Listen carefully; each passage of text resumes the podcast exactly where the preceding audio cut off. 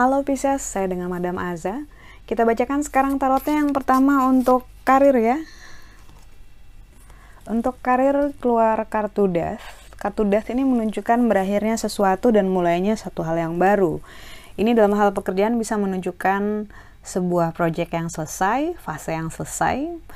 Bisa saja berarti kamu akan mendapatkan tanggung jawab baru, klien baru, pekerjaan baru Uh, yang jelas kartu death ini adalah kartu yang bagus karena ini menunjukkan adanya transformasi ataupun perubahan dan juga kebaruan ya. Tentu saja ini akan bikin kamu excited karena Pisces itu sel selalu suka sama hal-hal baru untuk bisa dimainkan, untuk bisa diulik maksudnya. Kemudian kartu yang kedua ya, kartu yang kedua kita bukakan untuk percintaan. Percintaan kartu yang keluar adalah The Tower. Nah, untuk percintaannya Pisces, sekarang bukan waktunya untuk keras kepala, bukan waktunya untuk uh, memuja-muja ego sendiri gitu ya. Mungkin memang sedang tidak happy gitu ya dengan keadaan, tapi sabar itu selalu lebih penting. Kebahagiaan kamu itu sebenarnya jelas dari dari hal percintaan karena kamu adalah orang yang banyak memberi ya, selalu ingin menyenangkan orang lain, terutama pasangan gitu ya, ataupun calon pasangan.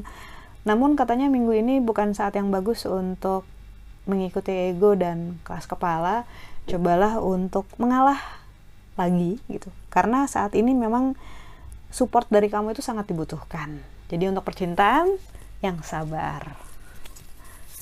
Kartu nasihat untuk para Pisces adalah The.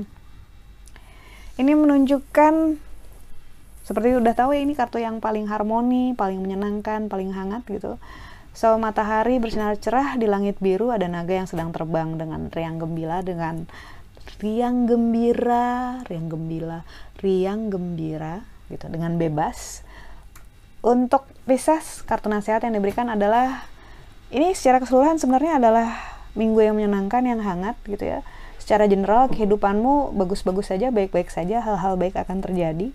Dalam hal percintaan tadi memang diminta untuk lebih sabar untuk lebih sabar gitu ya. Tapi kesabarannya itu nanti akan membawakan hasil yang bagus. Karena kartu desain ini adalah kartu yang hangat cerah dan membawakan hal-hal baik untuk kamu. Kita aminkan saja ya. Terima kasih. Jangan lupa untuk subscribe like dan share